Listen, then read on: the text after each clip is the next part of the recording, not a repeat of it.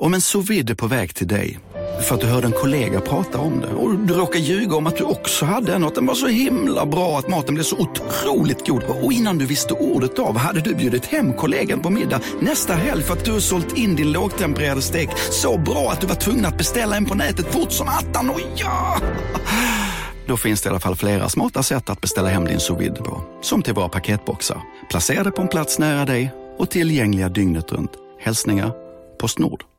Välkommen till Momang, ett nytt smidigare casino från Svenska Spel, Sport och Casino där du enkelt kan spela hur lite du vill. Idag har vi en stjärna från spelet Starburst här som ska berätta hur smidigt det är. Jaha, så smidigt alltså. Momang, för dig över 18 år. Stödlinjen.se.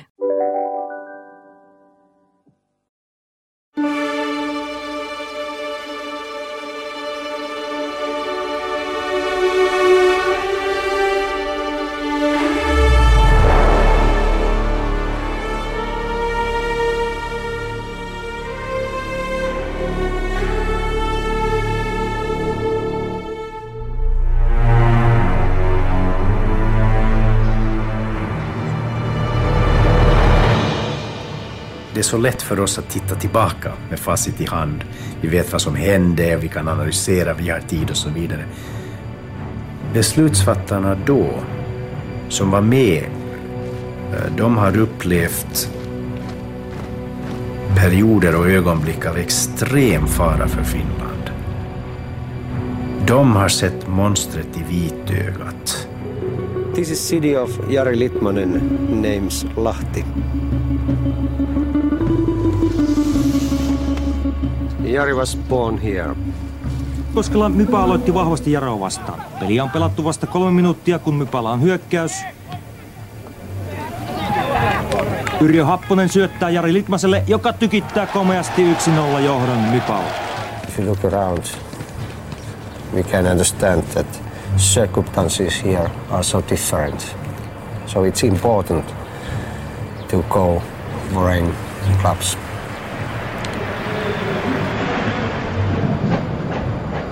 Hoekstra, Witsche, Grietmanen, doelpunt!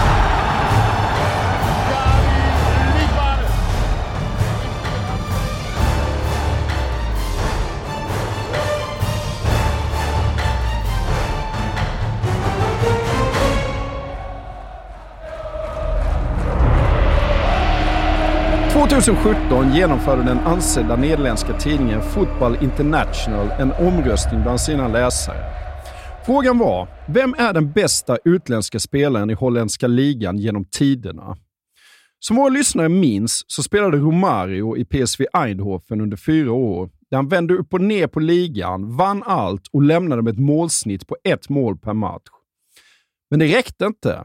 Romario blev tvåa, för det fanns en annan spelare som vann överlägset och han kom verkligen inte från Rio de Janeiros soldränkta karaoke-liv. Nej, och det där blir någonstans utgångspunkten för hela det här avsnittet. Att där Romario på ett så väldigt tydligt sätt kom från en annan värld, så kom Jari Littmanen på väldigt många sätt från vår värld. För när jag sätter mig in i hans historia så blir det verkligen slående hur mycket som känns välbekant. Som hade kunnat handla om en svensk 50-åring precis lika gärna som de handlar om en finsk 50-åring. För det är samma sorts bakgrund, samma typ av barndomsskildring och samma typ av idrottsdetaljer. Liksom Jari Littmanen, han satt också hemma och tittade på den finländska motsvarigheten till Tipsextra. Han satt också hemma och höll på 1970 och 1980-talets Liverpool, samtidigt som han också tittade på hockey och fruktade den sovjetiska superfemman. Och där Romario mer eller mindre tvingades kryssa mellan kulorna i favelakrigen så kunde Jari Littmanen på sin höjd drista sig till att smygröka bakom sporthallen när han var i 10 eller 11. Han gjorde pojkstreck som bokstavligt talat gick ut på att palla äpplen. Men samtidigt fanns det givetvis också saker som skilde 1970 och 1980-talets Finland från Sverige under motsvarande tid. Och det fanns såklart även saker och händelser som gjorde Jari Littmanen unik, som gjorde Jari Littmanen till den han blev. Och jag tror att för att förstå honom så måste vi börja med att redogöra för hans familj, hans stad, hans fotbollsklubb och hans nation. Ja, om, om vi börjar med familjen så kommer han ju från en riktig fotbollsfamilj. va? Ja, och det tror jag var väldigt betydelsefullt för honom. För så som han själv uttryckte det, så var det ju egentligen aldrig fråga om att han bestämde sig för att börja med fotboll en dag då det lokala knattelaget skulle köra igång i sexårsåldern eller vad det nu kan vara frågan om. Utan för honom var fotboll lika naturligt som att lära sig krypa, lära sig gå, lära sig springa. Det fanns bara där. Det var bara någonting som man gjorde. Och ja, hur var det nu igen när Romario föddes? Då påstod han gladeligen att killen där uppe i himlen skulle ha pekat ner mot honom och sagt att jo då, det här är min gubbe. Det här är han som ska lyckas. Och det finns ju inga så bombastiska skildringar av Jari Littmanens födelse, men faktum är ändå att eh, hans pappa inte var närvarande vid födseln för att hans pappa, Olavi Littmanen, var iväg på läger med det finska A-landslaget. Olavi Littmanen var ju inte bara en fotbollsfarsa som kickade lite hemma på grusplanen och i trädgården, utan han var ju en elitspelare på någon typ av internationell nivå. Okej, okay, finsk fotboll i början av 1970-talet, det är inte den mest konkurrenskraftiga, men Olavi Littmanen, han vann kupp på kupp på kupp där hemma i Finland. Han vann den finländska ligan. Han spelade landskamper med A-landslaget. Liksom, han mötte Johan Cruyff. Ja. Och spelar man mot Johan Cruyff så är man inte helt oduglig. Nej. Då är man den typen av pappa vars idrott kommer göra avtryck på ett eller annat sätt i den övriga familjen. Och Olavi Littmanen var ju därtill också en sån där fotbollsgubbe som aldrig slutade spela. Han höll igång tills han var 42 eller något i den stilen. Mm. Så hans fotboll pågick parallellt med Jari Littmanens fotboll under många år. Och därtill fanns ju även mamman Lisa Littmanen som även hon spelade fotboll i samma klubb som sin man. Hon spelade också i Reipas Lahti, som då också är betydelsebärande. Det var inte heller bara en fotbollsförening vilken som helst, utan det var en speciell fotbollsförening från en speciell stad.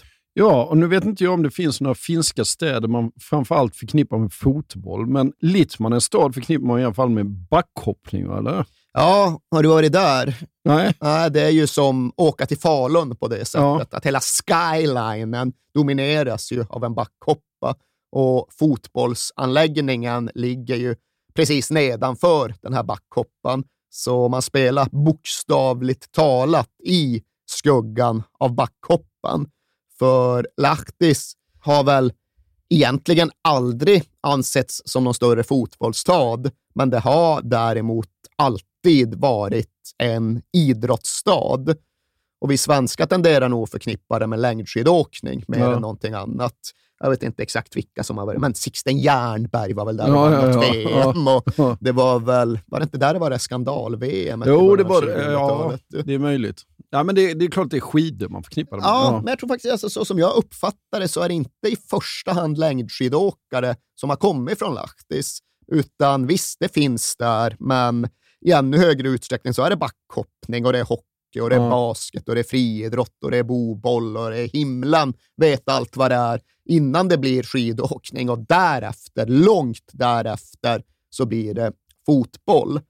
Men sen så ska det ju också sägas det här om Lahtis och om Reipas Lahti och om familjen Littmanen i förhållande till Lahti att eh, pappan i Jari Littmanens familj, fotbollsfarsan Olavi Littmanen, han föddes inte i Lahtis, utan han föddes i en litet samhälle som heter Sari. Och det ligger nere på södra Karelen. Och han föddes den 17 april 1945, alltså precis under veckorna som innebär slutet på den europeiska delen av det andra världskriget. Och det andra världskriget med tillhörande lokala konflikter, ja, det hade ju påverkat den finländska nationen och inte minst folket på Karelen i rätt hög utsträckning. Ja. Sari, där Olavi Littmanen föddes, det ligger inte ens en mil från det som kom att bli den sovjetiska gränsen.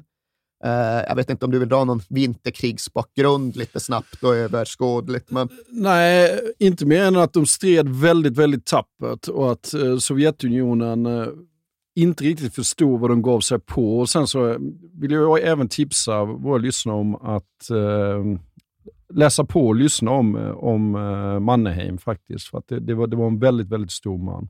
Okej. Okay. Ja, den stora mannen Mannerheim kan absolut ja. få en rekommendation och en shout-out. Men hur tappet de än stred så är det ju någonstans ändå oundvikligen så att Finland förlorade kriget och förlorade en betydande del av sitt territorium. Först och främst då en stor del av Karelen. Och det innebar ju att tiotusentals finländare tvingades lämna sina hem, tvingades fly därifrån och gå i en typ av intern exil. De fick fly från det som då inte längre var Finland till det som fortfarande var Finland. Och den här folkströmmen gick i väldigt hög utsträckning från Karelen till just Lahtis det var fler än 10 000 flyktingar som hamnade i Lahtis efter kriget. Och jag vet e- inte exakt när familjen Littmanen flyttade och jag vet inte exakt i vilken utsträckning de räknade sig själva som krigsflyktingar. Deras stad låg ju trots allt kvar på den finländska sidan. Men jag vet ju att Jari Littmanens farfar var med i kriget och blev skadad. Han fick något så granatsplitter i lungan och vad det nu var. Och om inte annat så blev familjen en del av den här folkvandringen från Karelen till Ahtis som än idag någonstans präglar den staden. Och det märks inte minst då på idrotten och på fotbollen. För familjen Littmanen, de spelade då sin fotboll i Reipaslahti. Och det var då inte egentligen stadens historiska, stadens traditionella fotbollsförening, utan det var klubben som på den här tiden fortfarande hette Lachten Palomiehet, eller något i den stilen. Klubben som med tiden sen skulle döpas om till Kuusisi. Eh, för den hade funnits i stan sedan 1800-talet. Mm. Men Repaslahti var då en nykomling för det var en klubb som flyttades från Vipuri, alltså staden som vi idag i Sverige känner som Vyborg, staden som låg på den delen av Karelen som sen blev sovjetisk. Där grundades den klubben som Viporin Reipas på 1800-talet, men sen stöptes den då om som Reipas Lahti på 1940-talet av flyktingarna från Karelen. Och det här var familjen Littmanens folk. Det här var familjen Littmanens fotbollsförening. Och allt det här är jag helt övertygad om kom att prägla både familjen och fotbollssonen. För okej, okay, fin Finland är ju det är ett tyst land, ja. det är ett tyst folk och de har väl inte haft någon genomgripande nationell terapi kring kriget och såren det gav, utan de stängde väl dörren till det rummet och sen låste de och sen gick de någonstans vidare i tysthet. men vid det fåtal tillfällen som jag har hört Jari Littmanen reflektera kring de här sakerna, kring hans stad och hans släkts eh, position i historien, så har han ju ändå varit inne på att oh, det finns en tendens till pessimism i Lahtis. Ja. Det finns nog en tendens till pessimism i Finland, oh. men att den då kanske är extra accentuerad, extra genomgripande just i Lahtis och i synnerhet då bland alla de människor som har sin släkthistoria i en del av Finland som inte längre finns. Och Jari Littmanen själv menar väl att den pessimismen såklart även har berört honom, men att han på något sätt då har lyckats omvandla det till en förmåga att aldrig vara nöjd. Nej. Att aldrig va alltid vara lite missbelåten, ja. både med världen i stort och med sin egen prestation i den. Det påminner lite om en annan person jag känner. Alltså det gör det? Han sitter här vid bordet. och kan inte skylla på någon eh, släkt som har tvingats gå i exil på grund av ett uppslitande krig, utan som bara är så. Ja. Men ja, i alla fall, Jari Littmanen, han föddes då inne i Lahtis centrala delar, i de lägenheter där flyktingarna från Karelen tenderade att hamna med tiden. Men sen flyttade de ut till ett nybyggt villaområde väster om stan när han bara var några år gammal. Och skildringarna av barndomsåren som därpå följde, att de är ju väldigt ospektakulära med svenska mått mätt. Det hade precis lika gärna kunnat vara en uppväxt i ett nybyggt villaområde i vilken svensk småstad som helst, med skillnaden att just idrottstraditionen såg lite annorlunda ut. Det var så många andra idrotter som egentligen låg närmare till hans. Men Jari Littmanen påverkades av sin familj och deras fotbollstradition och därtill växte han även upp med familjen Kautonen alldeles på knuten. Och det var liksom bara en grannfamilj, en kompisfamilj. Men pappan i det hushållet, Tommy Kautonen, han ja, spelade då med pappa Littmanen ja. och han var verkligen en riktig fotbollsman, så fortfarande aktuell. Han är idag, när vi pratar, så vitt jag vet förbundskapten för det finska U21-landslaget. Så det var en framträdande fotbollsherre och därtill fick den familjen fyra söner som, om jag förstått saken rätt, alla spelat i den finländska högsta ligan. Mm. Och två av dem, det var liksom Jari Littmanens bästa kompisar. Så han växte upp med fotbollen intill sig på ett sätt som var ovanligt i Lahtis och i Finland. Thousands of kilometers further north, Finland, country of a thousand lakes and of long, cold, dark winters. A country which has produced great skiers, many great ice hockey players, and the odd racing driver. But that Finland would ever produce a world class footballer The only person who has never doubted this is Harry Kampman. This is city of Jari Litmanen names Lahti. Samtidigt så var det ju ändå inte självklart att det skulle bli fotboll. Som Jari Littmanen själv summerar, det fanns få länder i världen där fotboll var mindre viktigt än det var i Finland på den här tiden och det var troligare att jultomten existerade eller att det gick att resa till Mars än att en finländare skulle spela Europacupfinal eller komma till Anfield. Mm. Det var inte tankar som han hade under sin barndom, utan fotboll, ja just det, det var det där som farsan spelade på idrottsplatsen nedanför backhoppan.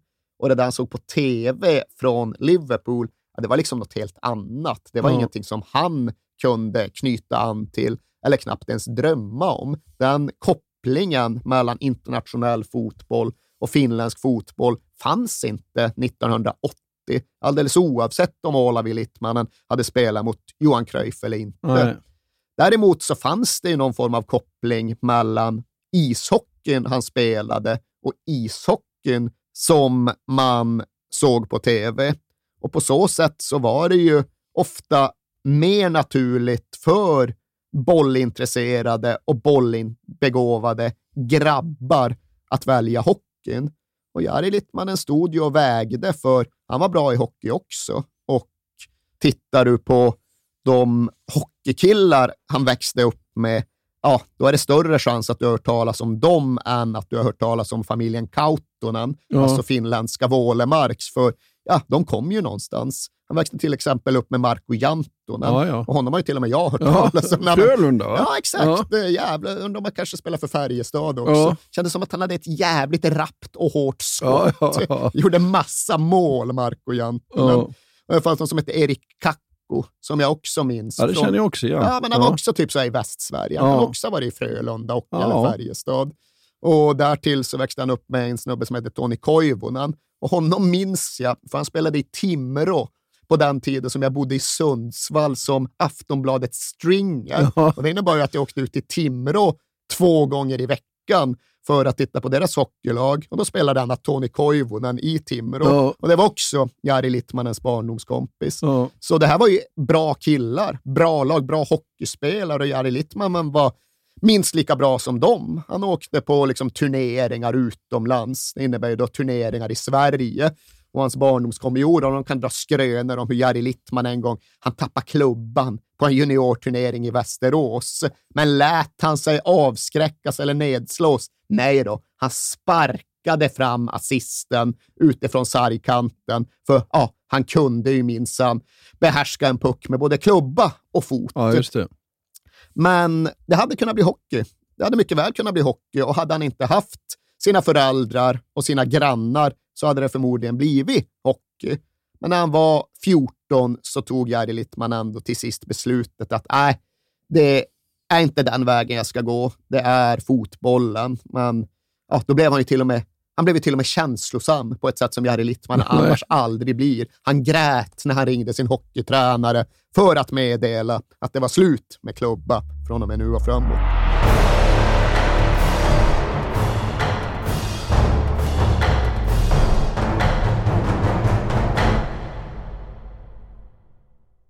Jag vill inleda med att säga att det är garanterad jackpot på 13 miljoner på Stryktipset. Och fy fasen. Ja, visst.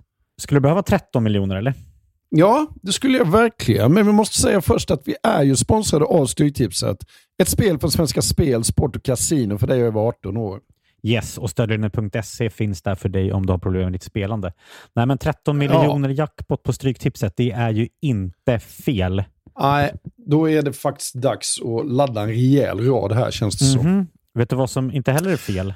Nej. Födelsedagsfirandet och alla härliga Mm. historier vi får in. Exakt, Mm. för vi är ju mitt inne i Stryktipsets 90-årsfirande som vi firar med att läsa upp fantastiska historier från våra lyssnare Yes. som skickar in dem till kings at perfectdaymedia.se. Precis, bomba på nu. Det är åtta månader kvar på det här firandet, så att, eh, vi kör nu. Mycket Stryktipshistorier vill vi ha Mm. och i dagens har vi fått från Peter som skriver så här. Hej på er och tack för en helt otrolig podcast. Den har räddat mina veckor i snart fyra år. Tack så mycket Peter. Min historia är ganska färsk, men den om när det vänder på stopptid gav kanske inte de största pengarna, men känslan i mig består. Jag spelar ofta för lite mindre pengar på Stryket, följer fotbollen men är långt ifrån en nörd. Och allt såg väldigt bra ut senast, förutom på min etta på Manchester United mot Brentford.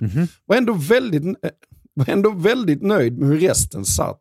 Men på stopptid satte min nya favoritspelare, skotten McTominay, två mål och vändningen fullbordades. 64 rader blev 12 000 kronor. Tack för en bra Det är podd. otroligt. Ja. Tack för en bra historia Peter. Ja, och som man älskar Scott McTominay. Gör man inte det? Ja, det, gör man faktiskt. Han- Han liksom kommer in i straffområdet jävligt bra faktiskt. Mm. Vi säger stort tack till våra vänner på Stryktipset. Tack.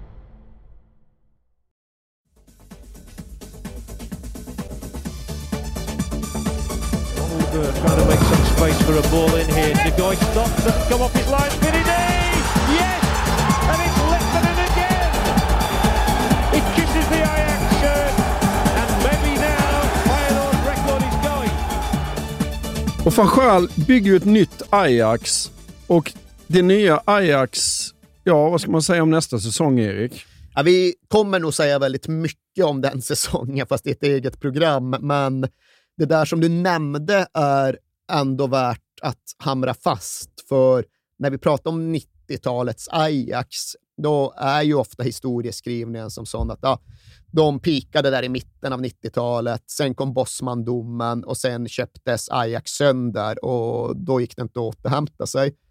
Faktum är ju att Ajax redan hade blivit sönderköpt. För Ajax vann Uefa-cupen 1992 Ja. under det som då var Louis van Gaals första säsong i klubben och sen köptes laget sönder.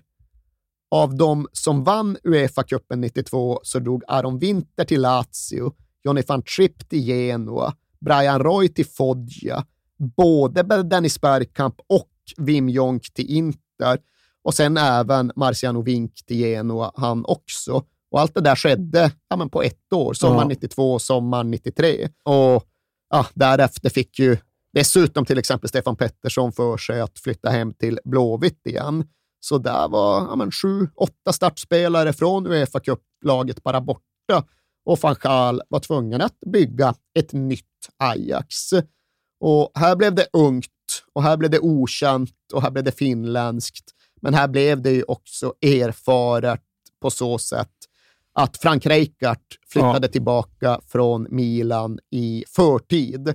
Och det var liksom helt avgörande. Ja. Han blev klippan som hela nästa Ajax vilade mot.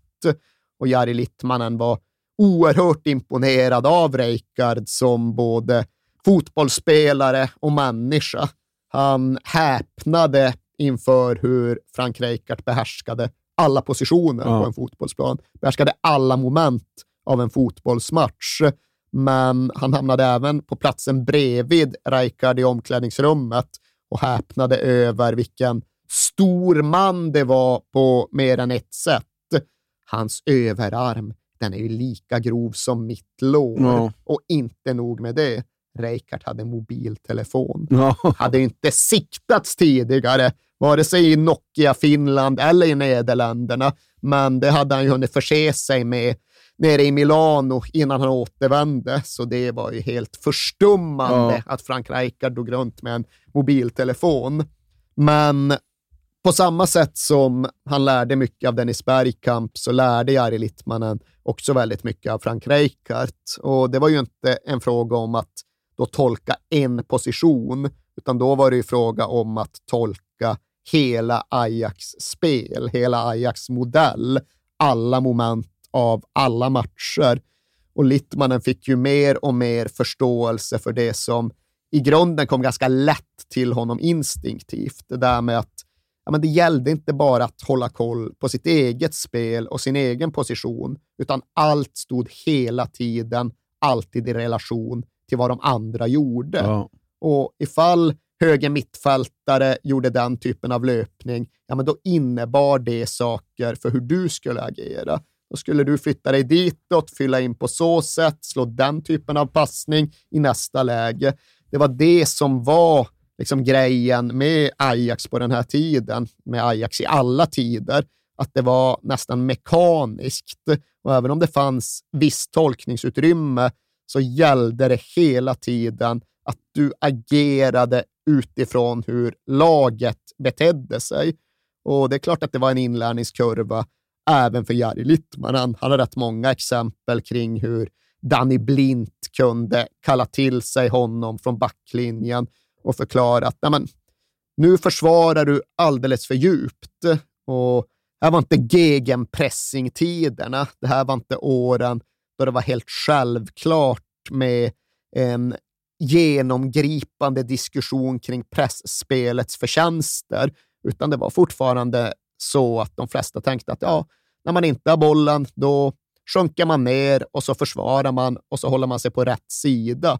Men Danny Blint och Frank Rijkaard och de andra i Ajax, de fick liksom förklara för Jari Littman, nej men du, försvar handlar inte om att sjunka ner. Nej. Försvar handlar minst lika ofta om att kliva upp. och du gör jättebra saker. Du tänker rätt, du skär deras passningsvinklar på rätt sätt, du är bra när du kommer in i duellspelet, men du måste göra allt det här högre upp. Ja. 15 meter upp, 20 meter högre upp, för då får vi effekt på det. Aha. Ja. Det låter inte så ögonöppnande idag, men för Jari Littmanen, 22-23 år gammal, från Lahtis och Mypa, så var det saker som han behövde ha förklarat för sig Ja. för att sen kunna liksom göra sin egen tolkning på ett alldeles förträffligt sätt. Ska vi ta 94-95 då? Ja, det är klart att vi ska på ett lite översiktligt Ja. plan. Och här ska det också sägas att även om det var väldigt svårt att se Romario passa in i van Gaals Ajax, så hade den sommarens stora värvningssaga kretsat kring Ajax försök att värva Ronaldo från Brasilien. Han skulle bli nya nian efter Stefan Pettersson, Ja. som vi hade dragit till Blåvitt.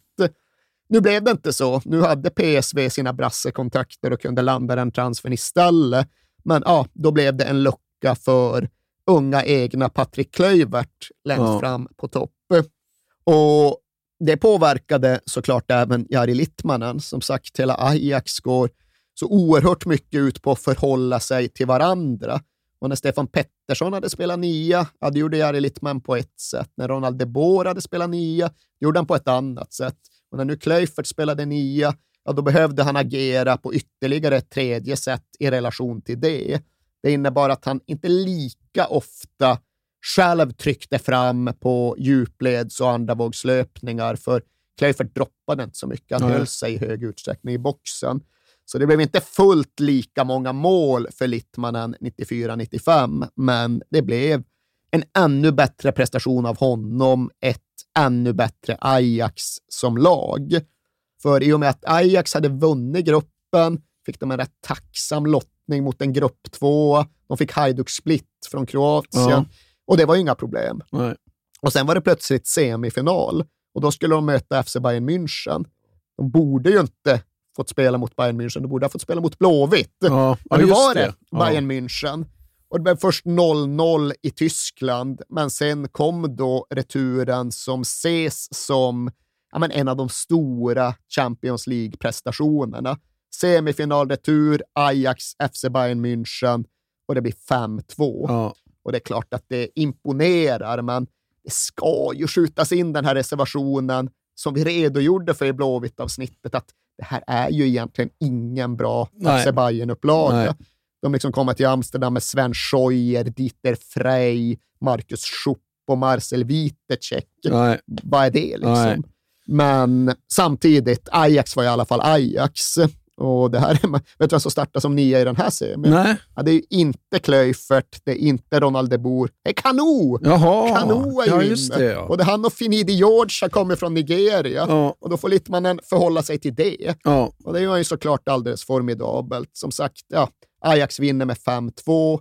Littmannen gör två mål. Han passar till ett.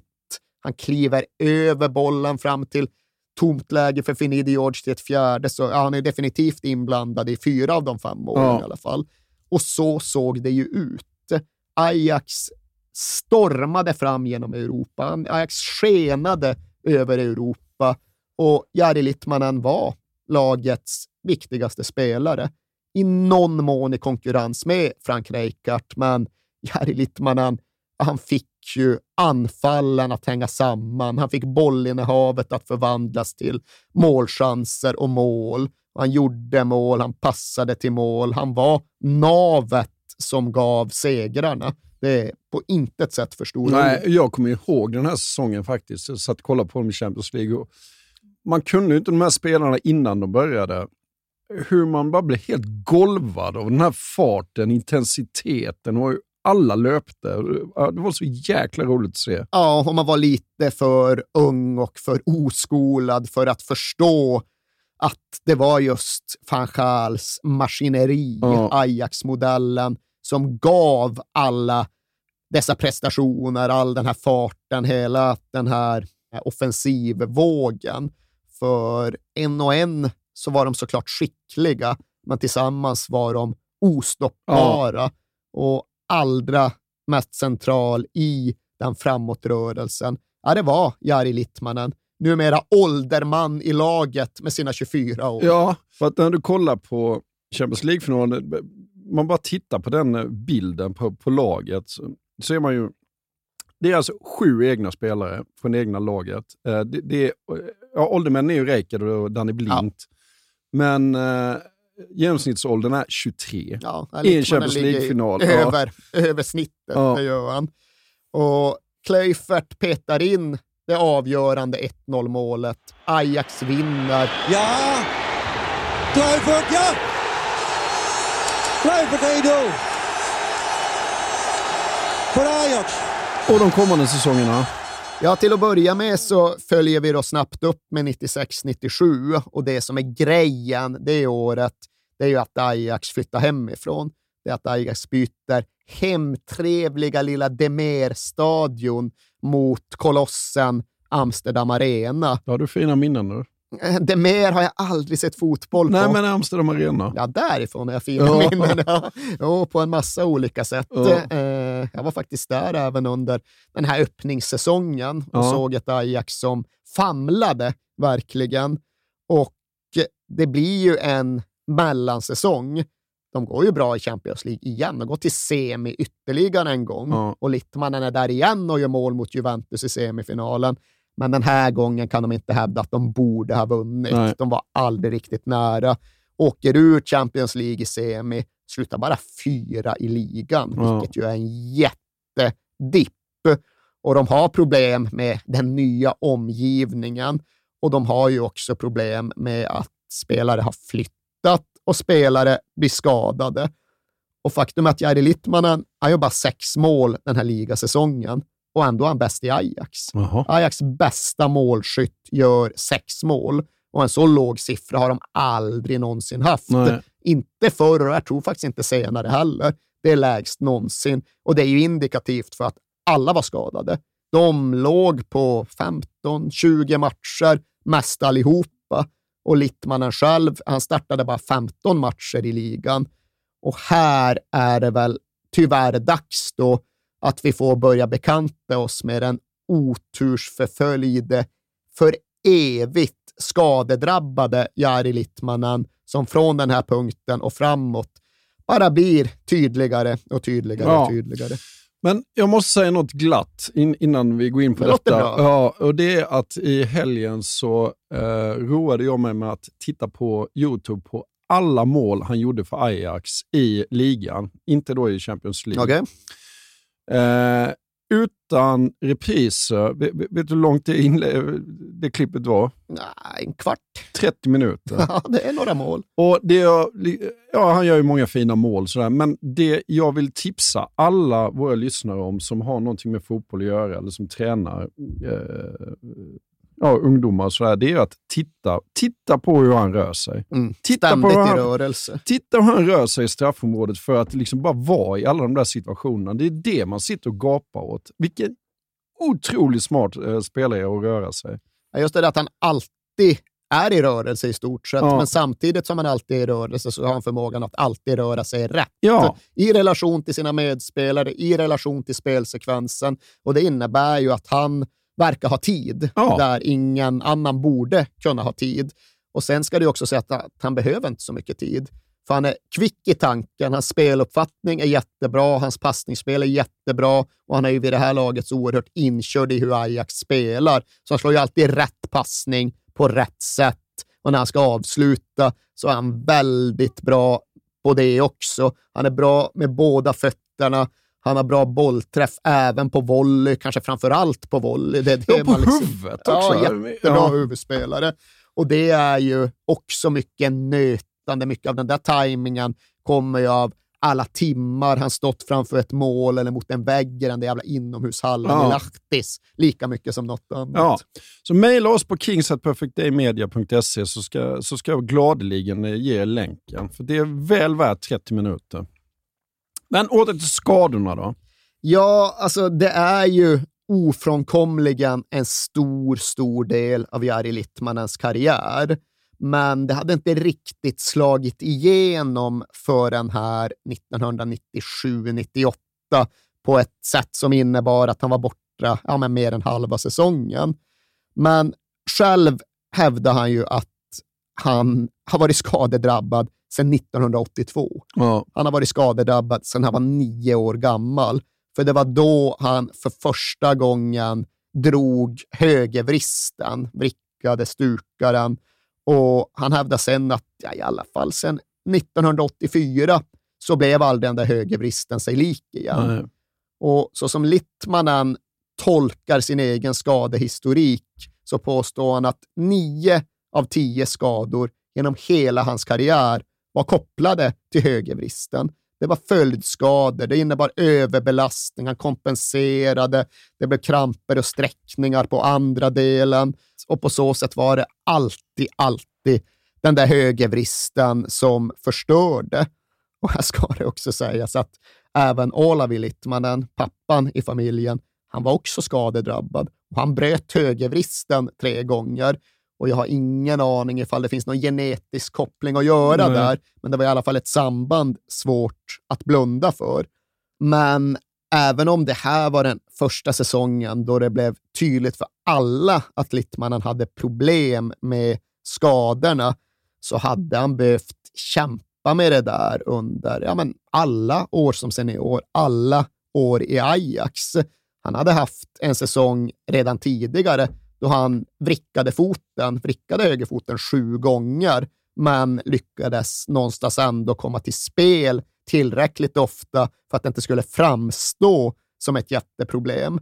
Men det var under den perioden han sen också började liksom mixtra och trixa för att kompensera och för att kunna spela vidare alldeles oavsett. Eh, han höll på att ta fram specialskor och specialsulor och han liksom vidgade skor, han gröpte ur sina bollskor för att ge vristen bättre plats och han hade en komplicerad jäkla ritual som innebar att han satt och liksom tejpade vristen lång tid, både före och efter varje träningspass. Han blev som Foppa ju. Ja, det är faktiskt Eller en hur? rätt rimlig Ja. jämförelse.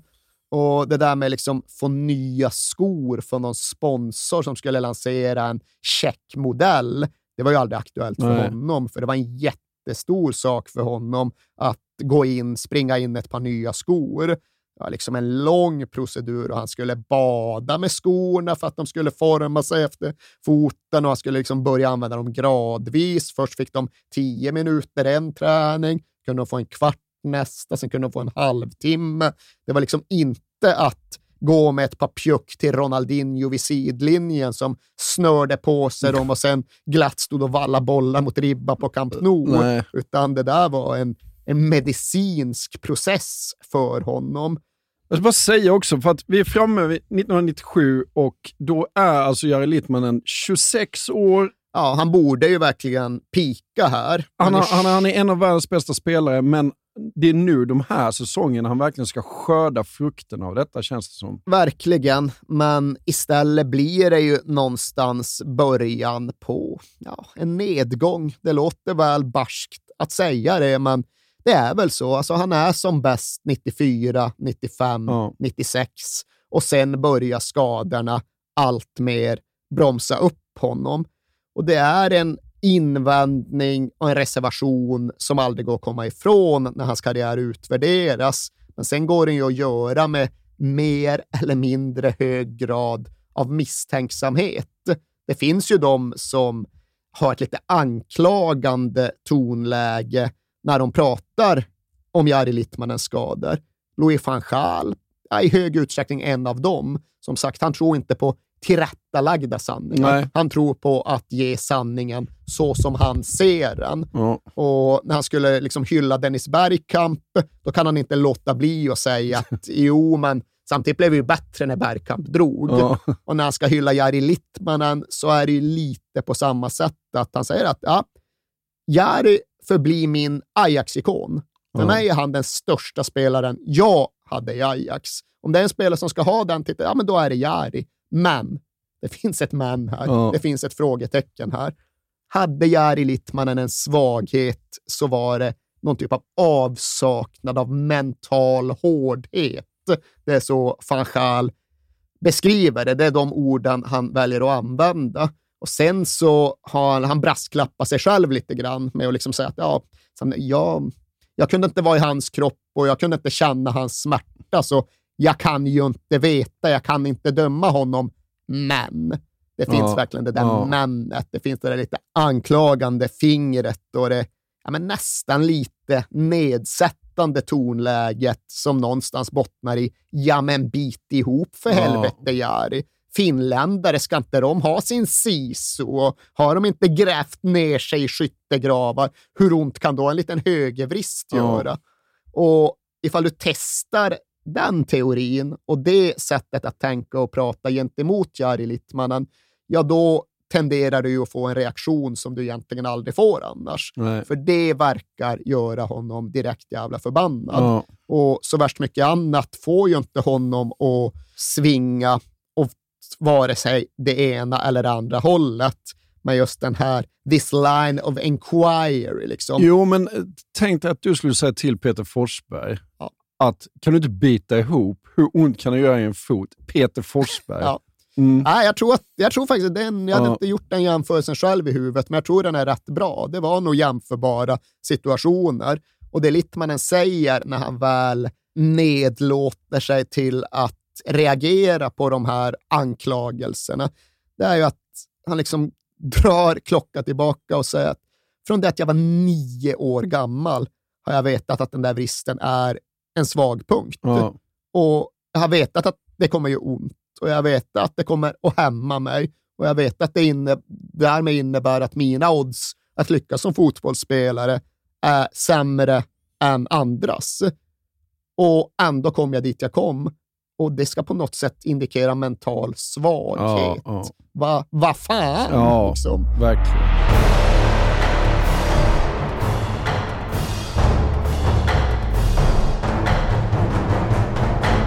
Men vi har inte pratat så mycket om landslaget än va? Hej, Synoptik här.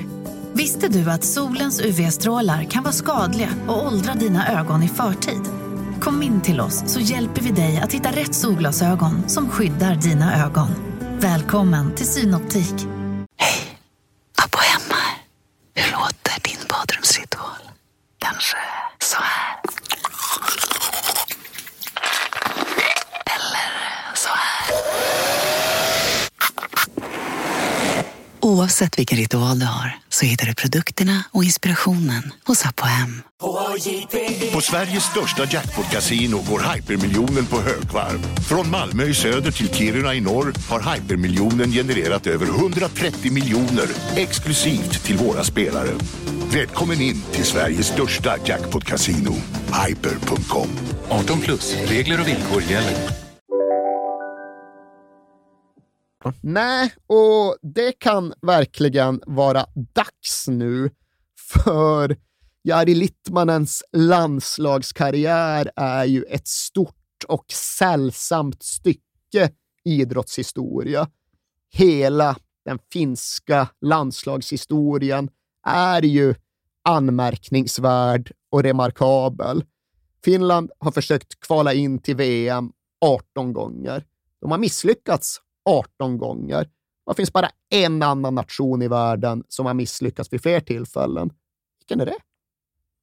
En annan nation i världen som har De misslyckats. har försökt lika många gånger som Finland utan att gå till ett VM. Ja, men det till finns väl typ fler. 100, 200 länder i världen. Jo, men du får Ja. använda lite slutledningsförmåga här. Liksom, afrikanerna var sena in i Fifa-familjen, Ja. så de kan inte liksom, hävda sig på samma sätt. I Sydamerika typ alla gått till VM, så de kan du mer än... Ja. Här sitter jag och hjälper dig! Ja. Är vi i Europa eller? Det är vi, och nu hjälper jag dig för mycket. Men... Ja. Ett land som aldrig har gått till VM. Mm. Som har Eh. försökt fler gånger än Finland. Och du kan nog hjälpas lite av att liksom tänka på kontinentens 1900-talshistoria och de olika nationernas position där i för att komma någonstans. Nej, den här får du faktiskt... eh, Inte ens en gissning. nej, det, det, är för sjuka gissningar för att jag ska säga det. Ja, men då är det ju Luxemburg kvar. Luxemburg. Luxemburg. Ja, mm. Men Finlands landslagshistoria i alla fall, ja, den var ju så väldigt länge kantad av nederlag på nederlag på nederlag. Men Jari Littmanen, han fångades ändå tidigt av den. Som sagt, hans pappa hade spelat med A-landslaget och han hade mött Johan Cruyff och när Jari Littmanen var liten, liksom 7, 8, 9, 10 år, de åkte från Lahtis in till Helsingfors Olympiastadion och gick på landskamperna. Och Littmanen fick en av sina tidiga hjältar i Atik Ismail, den finska tataren Ja. som gjorde kullerbyttor efter sina mål. Eh, och sen kom han själv då debutera som 18-åring 1989. Och det är ingen quizfråga, men jag hoppas på att du har noterat vilka han debuterade mot. Jävla kanonmatch. Nej. Han debuterade borta mot Trinidad och Tobago. Jo, just- ja just det. Så jävla... det, ja. man gillar ju bara liksom tanken på den matchen eh, så fort man hört talas om den. Men när man sen lägger till att det var liksom en viktig match för Trinidad och Tobago, för de skulle precis in i något VM-playoff för att Ja. försöka ta sig till VM 90. Så det var nationell mobilisering. Ja. Fullspikat på arenan, helt rödklätt. Och det var inte bara Jari Littmanen som var på väg att slå sig fram i fotbollsvärlden, utan Trinidad och Tobago, de skickade ju fram en ung tonåring som heter Dwight York, som skulle börja komma någonstans. Ja. Så fan, den placerar sig oväntat högt på listan över matcher som man önskar att man hade varit på. Ja, Trinidad och Tobago, Finland, hösten 1989. Ja. Och Jari Littmanen verkar reagera likadant, för när han berättar om sin landslagsdebut så är det ju med storslagna ord. Efter den matchen så visste jag att det vackraste en finsk fotbollsspelare kunde uppleva var att representera det finska landslaget. Det var en extraordinär upplevelse. Men på samma sätt som någon sorts karriärstrateg rättmätigt hade givit Jari Littmanen rådet att operera högervristen lite tidigare, så hade nog samma karriärstrateg sagt åt dem att du ska nog prioritera bort några landskamper, Ja. för de kostar mer än det smakar. Liksom under 1990-talets första halva, när Jari Littmanen först etablerade sig och sen försökte bära det här landslaget, då var det ju nattsvart. Det var ju fullständigt hopplöst. Littmanen själv går med på att det var mentalt tungt. Ja. För genom 90-talet så kämpade vi för vår existens. Men sen händer det ju ändå någonting när vår gamla kompis Rickard Möller Nielsen tar över det finska landslaget 1996. Och nu har jag inte kollat det, så jag tar det lite ur bakfickan när jag påstår att han, han var nog den första utländska förbundskaptenen. Och han hade ju om inte annat visat hemma i Danmark att han, han var inte rädd för att välja en pragmatisk väg. Nej. Ifall han trodde att ett danskt landslag hade bättre chanser med gnetspel utan bröderna Laudrup, ja då valde han gnetspel utan bröderna Laudrup. Och Finland så valde han sannerligen också gnetspel. Men inte utan Littman. va? Inte utan Nej. Littmanen såklart, det går ju inte. Men eh, som Littmanen själv beskriver det så var det finska landslagets spelsätt den exakta motsatsen jämfört med Ajax sätt Ja. att spela. Det är liksom ta två extremer på någon form av fotbollstaktisk skala så hittar du Ajax längst ut på ena kanten och Finland längst ut på andra. Och det, det kräver rätt mycket av en fotbollsspelares anpassningsförmåga och spelklokhet för att kunna förhålla sig till det. Ja. Men någonstans köpte ändå Littmanen in sig på Rickard Möller Nielsens tankar, för han drev inte den här bröderna Laudrup-linjen om att äh, ska vi lira på det här jävla sättet så kan det lika gärna kvitta. Han pratade visserligen med Möller Nielsen om saken, men han köpte in sig på repliken som gick ut på att jo, jag hade också önskat att Finland kunde spela som Brasilien, men vi har inga brassar i laget. Vi har finländare och då blir det så här. Och allting förenklas ju också av att Möller Nielsen faktiskt får resultat med sig. Med finska landslagsmått mätt så får han ju smått häpnadsväckande resultat med sig. För i sin första kvalcykel, ja då baxar han ju faktiskt det finska landslaget till en tröskel de aldrig tidigare egentligen ens varit nära att kliva över. Men vid slutet av kvalet, ja då står Finland i en position där de bara behöver besegra Ungern hemma för att i alla fall ta sig till ett VM-playoff. Och det här är obruten mark för Finland, så det är en stor vecka för dem när de väl börjar närma sig den avgörande Ungern-matchen. Finland dominerar absolut, men de saknar en spelare som slår den avgörande passningen eller som leder dem med ett mål eller två. Så det är 0-0 efter en timme. Men då, till sist, fast situation, nickskarv, antizoom i alla, sedermera i IFK Norrköping, stöter upp bollen i nättaket. 1-0 till Finland, allt under kontroll, inga problem, det blir playoff, vilken jävla grej. Minuterna tickar, matchen går, Ungern hotar inte, in på stopptid, det är bara att spela av det. Mikso Patelainen får ett halvläge, får iväg ett skott, täcks ut av en back, men det blir ingen hörna, det blir inspark. Jaha. Littmanen vansinnig, alla såg det där, gnäller till sig ett gult kort, men ingen hörna blir det, det blir inspark. Ja, det är typ det sista som händer i matchen. Insparken mittlinjen, Littmanen ska ta ner den, men halkar typ till, får bollen på handen. Ja, Okej, det är inte avsiktligt, så det blir inga andra gult, men frispark för Ungern. Ja.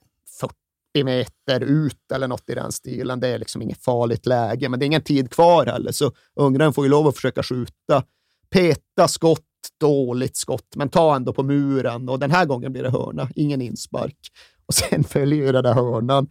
Och den hörnan, ja, det är ju en av de absolut mest otroliga sekvenser man har sett ifall man kontextualiserar den, ifall man gör den till en förlängning av den evighetslånga, nattsvarta finska landslagshistorien. För allt de behöver göra, det är nu att försvara den här hörnan. Och hörnan, den blir inget bra, utan Mikso Patelainen ska egentligen bara kunna rensa bort den ur eget straffområde.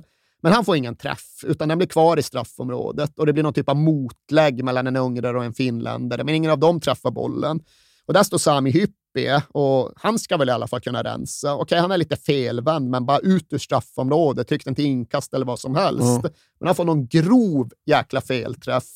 Så på något osannolikt sätt går den bollen mot det egna målet snarare än ut till ett inkast. Men det är ingen fart på bollen och de har en gubbe vid stolpen, så det är fortfarande ingen fara på något tak. Nej.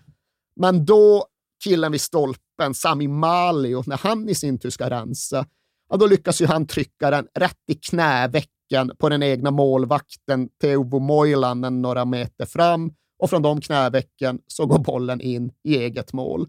Och alltså från den där hörnan, ingen ungrare har rört bollen. Nej. Det är fyra finländare som i tur och ordning har försökt få bort den och bara lyckats driva den in i eget mål, precis på gränsen till landslagets största framgång någonsin. Och det, det blir inte mer finskt. Nej. Det blir inte mer fotbollsfinskt än så. Det blir inte mycket mer Instagramvänligt heller. Det här måste ju ut. Ja, det måste. Ja. Och liksom, det är dråpligt i sig, men det blir ju helt hisnande just i sitt sammanhang. Betänk att det är det absolut sista som händer på Finlands stora fotbollsdag och att ta in det är så gott som omöjligt. Alltså gå, lämna den läktaren som support, det kan inte vara det roligaste. Ja, det är någon radiokommentator, Jens Berg, som bara ylar fram det. Detta olyckliga folk, detta erbarmliga fotbollsfinland. Och Littmanen försöker sätta ord på det i efterhand och får liksom ihop någon sägning om hur hela världen vändes upp och ner på några sekunder. Och helt plötsligt liksom kände han verkligen hur dåligt han mådde. Febersvetten rinner över honom och droppar ner i gräsmattan. Och sen ska naturligtvis han in på dopningskontroll och han bara sitter där i flera timmar och är helt tyst. För han är ju tömd på all vätska. Han har både febersvettats och fotbollssvettats, men han vill ändå inte dricka någonting som någon typ av, jag vet inte, tyst protest eller Ja. markering. Och han säger ju inte ett ord till de där dopningskontrollanterna. De bara sitter där, Ja. tysta, timme efter timme efter timme. Och sen till sist blir det där gjort. Och när han väl lämnar dopningsrummet, ja, men då är det ju helt nedsläckt, stängt. Kanske någon ensam vaktmästare som går med någon kvast, men verkligen den här känslan av att hände det där? Ja. Var det 40 000 åskådare? Spelar vi den här matchen gjordes det där jävla självmålet. Ja. Men fortfarande, 25 år senare, på andra sidan av en nu avslutad karriär, så säger Jari Littmanen det att det finns ingen annan fotbollsmatch som man tänker på lika ofta som Nej. man tänker på den där och på den där situationen och på den där hörnan. Och sen är det väl i och för sig också ett inslag av att den sväller med tiden. För det var ju inte så att de går till VM ifall de försvarar den där hörnan. De går till ett playoff. Ja. Nu tog Ungern den platsen istället. De lottades mot ja, det som återstod av Jugoslavien, det som spelade under Jugoslaviens namn. Eh, började hemma. Hur tror du det gick för Ungern? Ja, 0-3. Efter tio minuter stod det 0-3. Ja. Efter en timme stod det 0-7. När de summerade dubbelmötet har de torskat med 12-1. Ja. Så det var väl i och för sig berättigat att Finland tyckte sig vara bättre än Ungern, Mm. men det är nog tveksamt om de hade tagit sig förbi juggarna, även om de hade försvarande hörnan. Nej. Suomen 1-0 johto vai tuleeko Unkari takaa? Ai ai ai ai ai ai ai ai. Hirveältä näyttää ja voi luoja, voi luoja paratkoon. Men han lämnar ju Ajax eh, januari 99. Ja, då har han bara ett halvår kvar på kontraktet och då drog bröderna de Boer också ner till Barcelona och då var det bara Edwin van der Sar kvar i det där Champions League-laget. Alla andra hade stuckit och då kände ju Jari Littmanen att ska det någon gång ske så är det ju faktiskt dags nu. För Danny Blint, hans granne, hans quizpolare, han hade ju lagt av. Ja. Han hade blivit någon typ av sportchef som försökte binda upp Jari Littmanen för liv, för resten av karriären. Men skriv nu ett långtidskontrakt och sen bygger vi nytt runt dig och sen avslutar du här. Ja. Och Littmanen funderade verkligen på allvar på det scenariet. Men Ajax hade fått en ny huvudtränare, gamla storspelaren Jan Wouters, och han ska tydligen ha vacklat lite. Att ja, vi måste bygga nytt och vi måste välja en ny linje, men kan vi verkligen bygga vårt nästa lag runt Jari Littmanen utan högervrist? Ja. Wouters var inte övertygad och då bestämde sig Littmanen. Då tyckte han att det kunde kvitta. Ja. Då får jag väl testa något annat. Och det var inte så att han saknade alternativ. Skadedrabbad, okej, men han hade ju dominerat Europa fyra år tidigare och sen dess hade ju alla de största hört av sig. Milan försökte ju såklart få honom och Roma, Atletico Madrid, Liverpool gång på gång, FC Bayern hade varit där och var fortfarande någonstans intresserade. Liverpool var också fortfarande intresserade, men det var ju förståeligt nog någonting med Barcelona som inte gick att säga nej till. Ja. För dels var de FC Barcelona, men dels var de ju mer än kanske någon, någonsin tidigare ja, men den katalanska versionen av AFC Ajax. Ja. Cruyff var ju där som gudfader, van Gaal hade dragit dit, ett halvdussin spelare från Ajax hade värvats ner till van Gaals Barcelona. Så det här borde väl vara en helt jävla smärtfri flytt och övergång. Borde väl funka precis lika bra i Barcelona, om inte bättre jämfört med hur det hade varit i Ajax. Men det blev det ju verkligen inte. Nej, det blev egentligen ingenting alls. Som han någon gång kärnfullt summerade. Allt där var emotionellt och jag var van vid att fungera rationellt. Ja. Det tror jag det fanns ett ganska stort korn av sanning i. Och det manifesterades väl någonstans när Littmanens första säsong i Barcelona skulle utvärderas, eller rättare sagt när hela Barcelonas säsong skulle utvärderas. För de vann ju då ingenting 99-00. Nej. De var ju med i allt egentligen. Gick långt i kupperna och blev väl tvåa i ligan efter mäktiga superdepor. Ja. Men likfullt så vann de ingenting. Och då var det ju såklart kris. Då skulle allt förändras, då skulle allt kastas över bord. Och det fanns ju i och för sig mer djupgående och mer institutionella förklaringar till att FC Barcelona bytte president här, men Littmanen uppfattade som att det bara var en konsekvens av att resultaten var för dåliga. Då fick presidenten gå, då fick van Gaal gå, då kom det in en ny tränare från Betis som inte gillade Littmanen och då var det sen över. Ja. Och det är nog i och för sig sant att säga att när den nya tränaren kom in, ja, då var det nog över. För han uttryckte det tidigt som så att det är Rivaldo eller Littmanen. Ja. Det är inte båda. Och Rivaldo har vunnit Ballon d'Or och jag gillar Rivaldo och jag är inte alls så säker på den här Littmanen. Jari Littmanen, big time player. Chance to score his first Liverpool goal. He can handle the pressure. It's 1-1. Men Tiden i Barcelona är över, men hans ungdoms favoritklubb kallar ju, lägligt nog. Lägligt nog så har Liverpool aldrig släppt det långvariga intresse de haft för Jari Littmanen. De var liksom den klubben som återkom gång efter gång, år efter år, under hela andra halvan av 1990-talet. Och nu då, till sist, självaste nyårsafton mellan 2000 och 2001, så är det dags att flyga upp till Merseyside och bli Liverpool-spelare. Och till att börja med så är det väl lite samma grej där med de unga i och runt Liverpool som det var nere i Barcelona. Det går ju att få ihop en rätt bra lista på stora fotbollspersonligheter som talar varmt om Jari Littmanen. I Barcelona gjorde han intryck på Xavi. I Liverpool så gjorde han ett enormt starkt intryck på Steven Gerrard. Ja. Liksom citaten som Gerrard kommer med runt Littmanen är ju kraftfulla. Han säger att ja, men det var lite av en chock att se hur bra Littmanen var när han kom. För när jag först såg honom på träning så var hans rörelsemönster och teknik och förmåga på en helt ny nivå. Ja. Och varje gång han fick bollen så uppstod magi. Ja. Och därtill så tränade han hårdare än någon annan jag någonsin har sett. Så han gjorde ett intryck när han kom, Jari Littmanen. Men han kom ju trots detta inte riktigt med samma status som han hade haft fem år tidigare. Det hade börjat dala i takt med att kroppen hade börjat knaka och som konsekvens av att tiden i Barcelona hade blivit ett sånt misslyckande.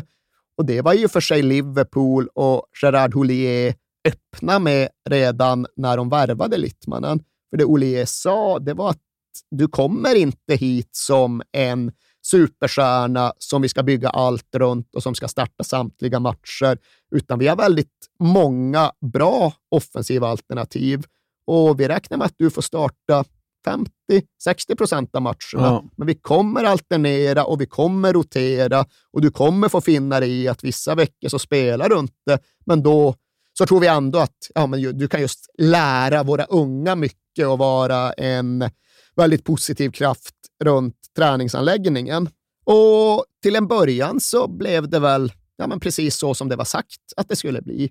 Jari Littmanen startade inte varje match, för Liverpool hade Michael Owen som fortfarande var en rappa Michael Owen. Ja. De hade Robbie Fowler som fortfarande hade sin status i Liverpool och de hade Emil Heskey som var Emil Ivanhoe Heskey med allt vad det innebar. Så de hade bra alternativ, men Littmanen kom liksom in i cirkulation och han gjorde nytta.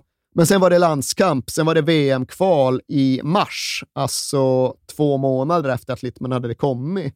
Och lustigt nog så gick den kvalmatchen just på Anfield. För övrigt Sven-Göran Erikssons typ första tävlingsmatch som engelsk förbundskapten. Men också då en match som blir typisk för vart Jari Littmanens karriär nu är på väg. Han anstränger sig på alla sätt för att leda sitt finländska landslag. Han går in i dueller och han tar närkamper och han kraschar rätt svårt efter någon nickduell mot Rio Ferdinand och liksom landar fel och får ju ont som tusan i armen, men krigar vidare ändå, spelar matchen ut och har nog rätt hyfsad chans att kvittera, men får lov att konstatera att matchen förloras och att läkarundersökning krävs. Och där visar det sig givetvis att handleden är bruten på två ställen. Ja.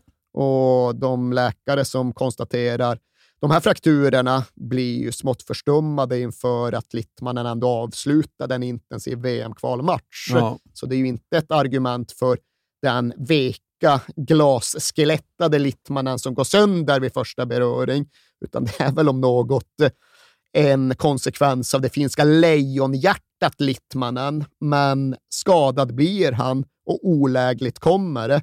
För de här frakturerna, de tar åtta veckor någonting att läka ihop. Ja. Och går det från mars och åtta veckor framåt, ja, då är säsongen slut. säsongen, ja. Och det här är ju våren då Liverpool tar, vet inte om vi ska säga den falska trippeln, Ja. men trippeln som inte innehåller någon ligatitel. De vinner FA-cupen, de vinner ligacupen, de vinner Uefa-cupen Ja. och Jari Littmanen är ingenstans. Nej.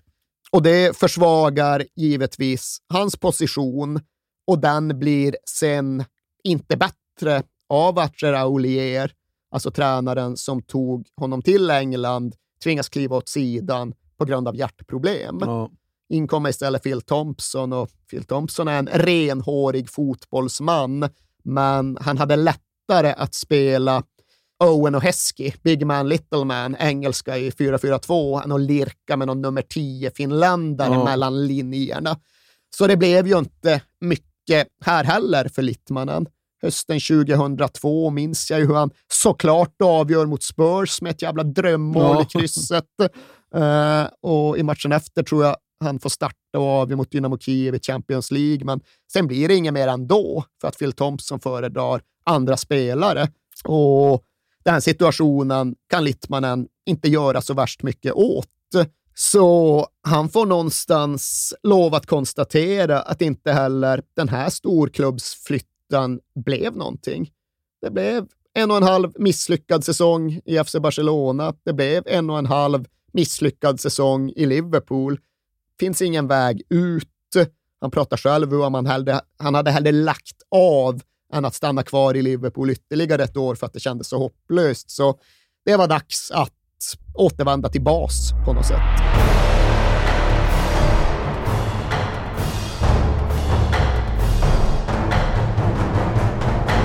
Nu återvänder han ju till Finland, va? Ja, det blir Med en liten studs. Ja, nej, men Ja. Han gör ju då en andra säsong i Ajax och han är utnämnd till kapten. Ja. Men han går bara ut med bindeln en enda gång. Alltså han startar en ligamatch hela den säsongen. Ja. Och när den säsongen börjar närma sig sitt slut, ja, då meddelar Ajax att ja, det må låta osentimentalt och hemskt, men vi vill inte förlänga ditt kontrakt.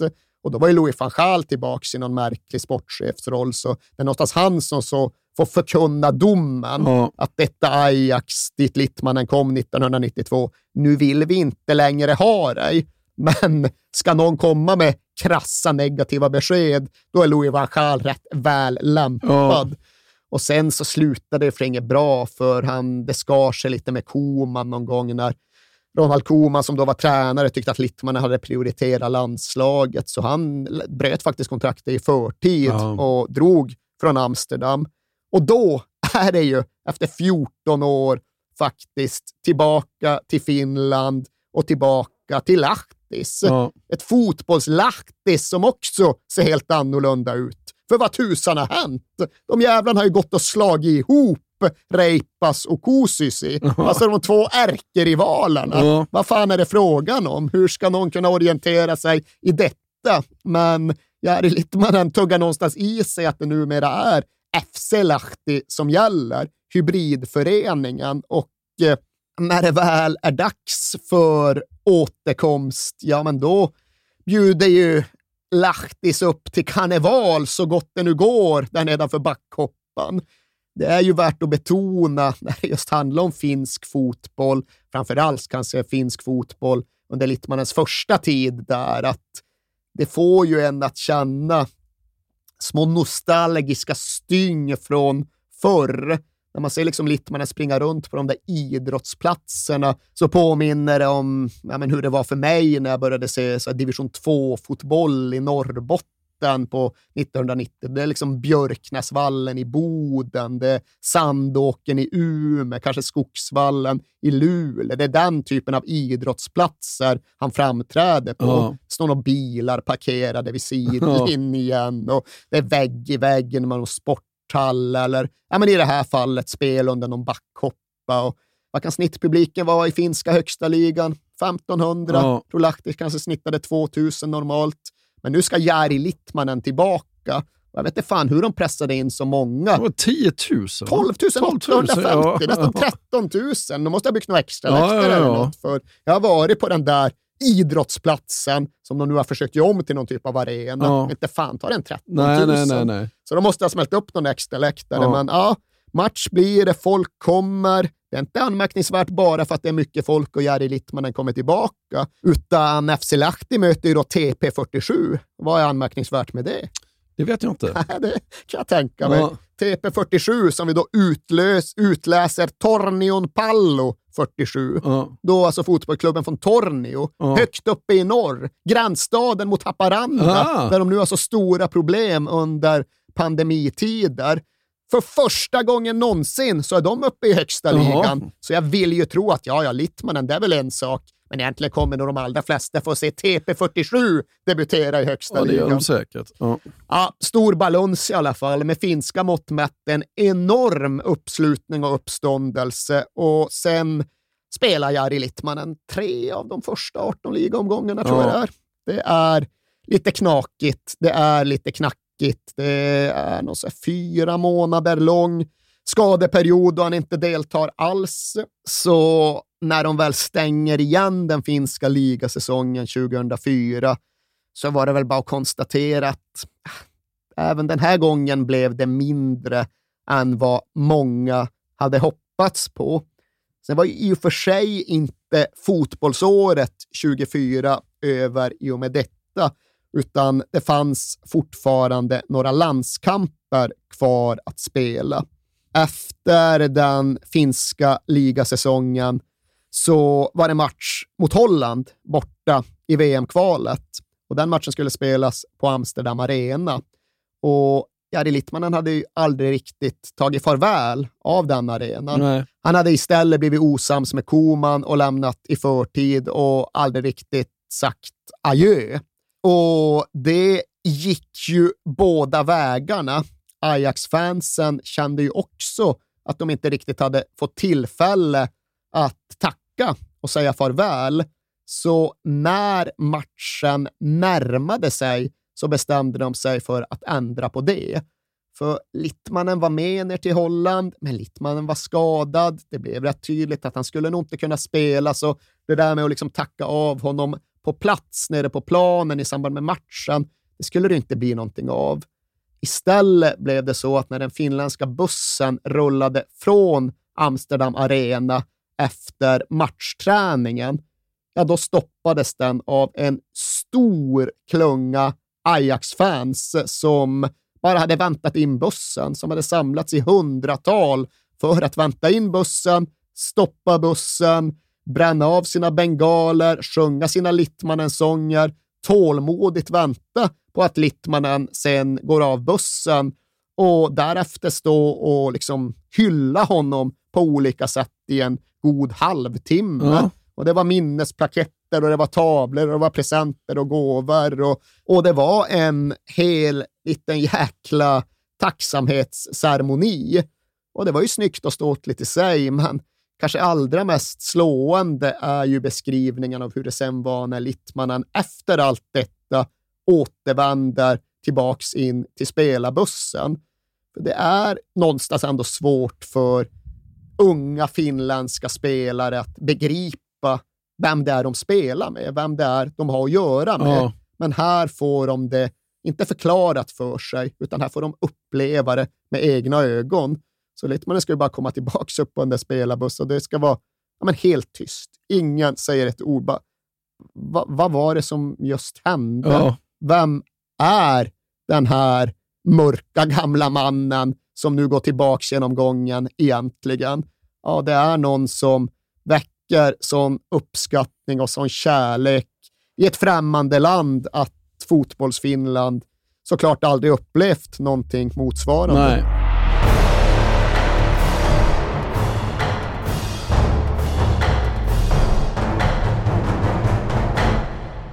Summera lite grann så är det ju att han brann ju väldigt fort och tidigt, men lågan slocknar ju aldrig. Han spelar och spelar och spelar. Ja, det är ju svårt att förstå hur han tänker. Varför han inte till sist accepterar en sorts nederlag gentemot sin egen kropp. Varför han inte bara lutar sig tillbaka och är stolt och nöjd med hela karriären. Men han fortsätter ju att plåga sig själv och sin kropp för att han inte kan släppa fotbollen. Han Nej. älskar väl det för mycket helt enkelt, för vi kan ju sannoliken tycka att här låter det som att det är dags att börja lägga ner.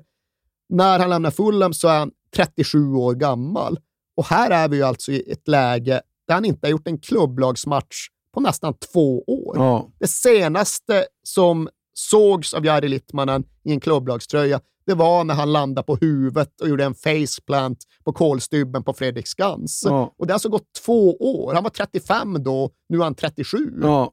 Men inte fan lägger han av. Nej. Han ska tillbaks till Finland, han är inte ens nära. Och det är tillbaks till Lahtis ytterligare en gång. Och till sist hoppar han då in mot Kups den 11 augusti 2008. Och då har det, har det gått 691 dagar sedan han senast spelade en klubblagsmatch.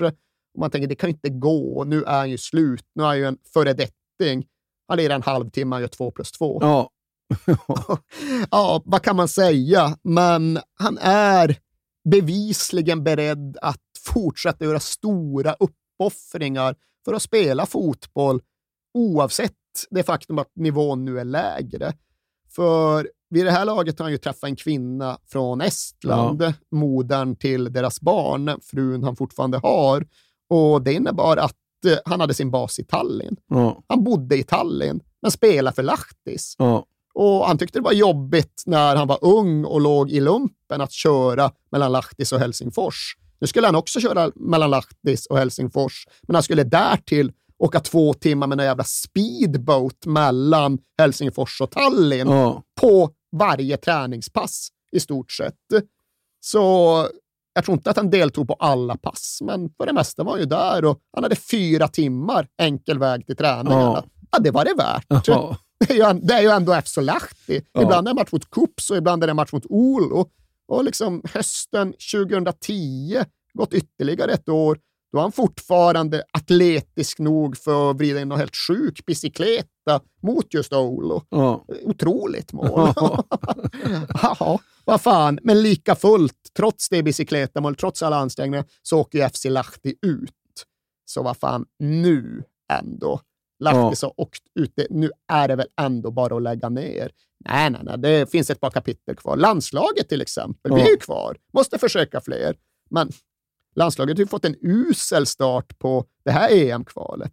Jo, men det är ändå San Marino hemma i november. Ja. Littmanen startar inte. Han är väl lite skröplig, men det är klart han är med. Och Finland spelar inte så bra. De leder, men det är bara 1-0 i paus. In med Littmanen i halvtid och till slut blir det 8-0. Ja. Och av de sju mål de gör i andra halvlek ska Littmanen vara inblandad i sex. Pilkulle 31 maaottelumaalia tehtynä. Ja tästäkö syntyy sitten se 32. Syntyy tolpan juureen numero 32. Ja terveiset Pohjoiskaarteeseen. Jari Litmanen äh, lisää maaottelumaaliensa määrää ja näin historiaa kirjoitetaan uudelleen. Maaottelu numero 137, maali numero 32. Och det här var hans 137 landskamp. Men det skulle faktiskt visa sig bli den sista. Och det var ju inte för att han själv tyckte att det var dags att lägga av. Att han meddelade på förhand, det här blir min sista landskap, nu blir det avtackning. Men han tänkte köra på. Men våren 2011 meddelade till sist dåvarande förbundskaptenen Mikko Patelainen att jag ser faktiskt ingen självklar plats för dig när vi ska bygga nytt och gå framåt. Och då resignerar liksom Littman, okej, ja, då, får jag väl, då får jag väl sluta med landslagsfotboll. Ja. Och det, alltså, han har spelat landslagsfotboll under fyra Ja, årtionden. precis. 80-tal, 90-tal, 2000-tal, 2010-tal. Och när karriären liksom började sippra ut så tackade han ju aktivt nej till erbjudanden från typ USA och Australien eftersom att det inte gick att kombinera med landslagsspel. Nej. Så det går ju sannoliken inte att säga att han inte försökte göra sitt för den finska Ja, vad fan, spelar fotbollssaken. 137 landskamp. Utan att få någonting tillbaka. ja, ja. Inte ett enda Nej. mästerskap. Och själv går han i villfarelsen att det inte finns någon annan spelare i världen som har gjort så många matcher utan att få spela ett stort mästerskap. Men det är fel. Ja. Vem har gjort flest landskamper i världen utan att få spela ett mästerskap? Nej. Vi behöver inte nämna namn. Nej, men den, den som gjorde... Är det han i Saudiarabien? Eller? Saudiarabien gått till mästerskap. Ja. Spela VM, gå till Asian Cup. ja, men då vet jag inte. Någon nordafrikan? Ja, de brukar gå till det starka i Nordafrika. Ja, men något land där. Men de går ju till afrikanska i alla fall. Ja. Nej, jag vet inte. Den är inte jätte... Thailand? ja, kanske, kanske. Ja, det finns Ja, ingen, men ja. det är ingen dum gissning. Nej. Nej, Martin Reim, fotbollsgeniet Martin Reim, som vi ju alla minns från 157 tappra landskamper för Estland Jaha. under ungefär samma tid som Jari Ja. Littmanen var aktiv. Han har det rekordet. Ja. Littmanen trodde att han hade det, men ah, vi är Ja. ledsna. Men nu är det väl ändå över? Va? Nej, Nej. nej, nej, nej, nej, nej. Inte, oh, nära, men inte där. För ja, när nästa säsong börjar, då är han ju 40 år gammal, men han är där. Ja. Och han har varit ambitiös ytterligare en gång, gjort sin gamla klassiska flytt från Lahtis till HJK Helsingfors. Jag kan inte sitta här och säga att den säsongen blev någon Eriksgata för Jari Littmanen. Det var, det var rätt mycket hjärnskakningar och sånt i Ja. missade matcher då också. Men den kulminerar ju trots allt ändå med att de går och vinner dubbeln. Ja. De tar finska kuppen och de tar finska ligan. Och det är ju då Jari Littmanens första finska ligatitel, Ja. snart 41 år gammal. Och i den avslutande matchen hade HJK, tror jag om det var Hacka, hemma. Jari Littmanen gör tre ass i Ja. den matchen och knallas en av planen. Och det visade sig bli det sista han gjorde. Det var inte sagt att det skulle bli hans sista match. Det var inte tänkt att det skulle bli hans sista match. För Jari Littmanen såg framför sig att han skulle köra vidare. Jari Littmanen la aldrig av. Nej. Än idag så tror jag faktiskt inte att Jari Littmanen har lagt av officiellt. Utan han har bara spelat på. Det var så under lång tid, även efter den här matchen. 2012, ja, men då skulle han spela, men äh, han skadade sig såklart på försäsongsträningen, så det försvann. Men äh, ny sats 2013 Ja. var ju det. 43 eller vad fan, Ja. 42 var han då.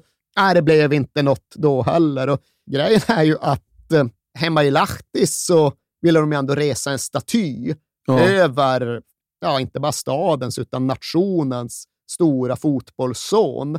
Men det vet ju alla att det är laddat att resa statyer medan folk fortfarande lever. Det är ju ännu mer komplicerat att resa statyer över idrottsutövare som fortfarande är igång. Ja. Men Littmanen slutar ju aldrig. Nej. Så då fick jag, nej, Ja. ja, vi får smälla upp statyn Ja. och så får vi se. Så den statyn restes ju medan Littmanen fortfarande var aktiv och eh, hans sätt att förhålla sig till den statyn var ju briljant i all sin korta karghet. Ja. För, ja, men han var ju glad och liksom tackade och sådär. Och, ja, men, vad tycker du om statyn? Sådär. Ja, förhoppningsvis så är statyn av mer hållbart material än förlagen. Ja. Det är väl funnet. ja. Och hur vill du avsluta det då, Erik? Ja, hur fan ska man göra det? Man kan väl säga så här, du, du är inte ensam om att ha fyllt 50 precis de här veckorna. Nej. Det har du gjort och det gratulerar Ja. vi återigen Tack, till. tack. Ja. Men det har ju även Jari Littmanen gjort. Och när han fyllde 50 så blev han då rättmätigt uppmärksammad i båda sina fotbollshemländer. Från Nederländerna är väl kanske det allra mest remarkabla som jag snappade upp under de där dagarna, att det tydligen finns två och ett halvt tusen holländare idag som har Jari som tilltalsnamn. Jaha. Och det var ju då ett namn som inte existerade i Holland innan den här mörkhåriga grabben från Lahtis drog in och började kicka lite boll där. Nej. Så det är två och ett halvt tusen holländare som har Jari som tilltalsnamn. Därtill flera tusen som har det som någon typ av mellannamn Ja. också. Så ett avtryck har han gjort i Holland. Ett avtryck som aldrig kommer att försvinna har han ju även gjort i Finland, såklart. För jag noterade att den nuvarande landslagskaptenen Tim Sparv till exempel la upp en bild på honom tillsammans med Littmanen på sociala medier. Och det var ju bildtexten liksom kungen. Ja. Kungen är anledningen till att så många barn i Finland växer upp och spelar fotboll. Och på så sätt är Jari Littmanen något av liksom Finlands svar på Björn Borg. Ja. Att han fick en nation att vakna inför en sport som den tidigare inte hade brytt sig så där jättemycket om. Och Jari Littmanen kämpade på under fyra olika årtionden. Han gjorde 137 landskamper för Finland, trots att kroppen sa ifrån och han fick ingenting tillbaka i form av framgångar eller mästerskapserfarenheter. Och det kändes ju verkligen som det för evigt förbannade och förtappade fotbollslandet. För om inte ens Jari Littmanen kan förlösa det, vem ska då kunna göra det? Och svaret, ja, det visade sig vara Jari Littmanen, bara på ett lite annat sätt än vi hade sett framför oss. För precis som Tim Sparv preciserar, kungen är anledningen till att så många barn i Finland växer upp och spelar fotboll.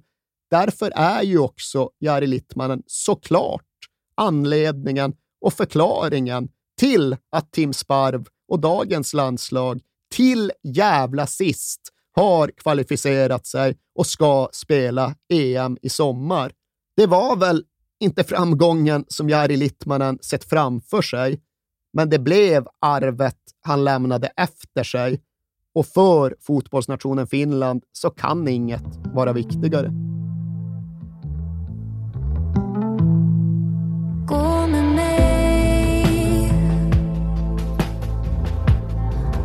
Bakom skuggor. Ser du solen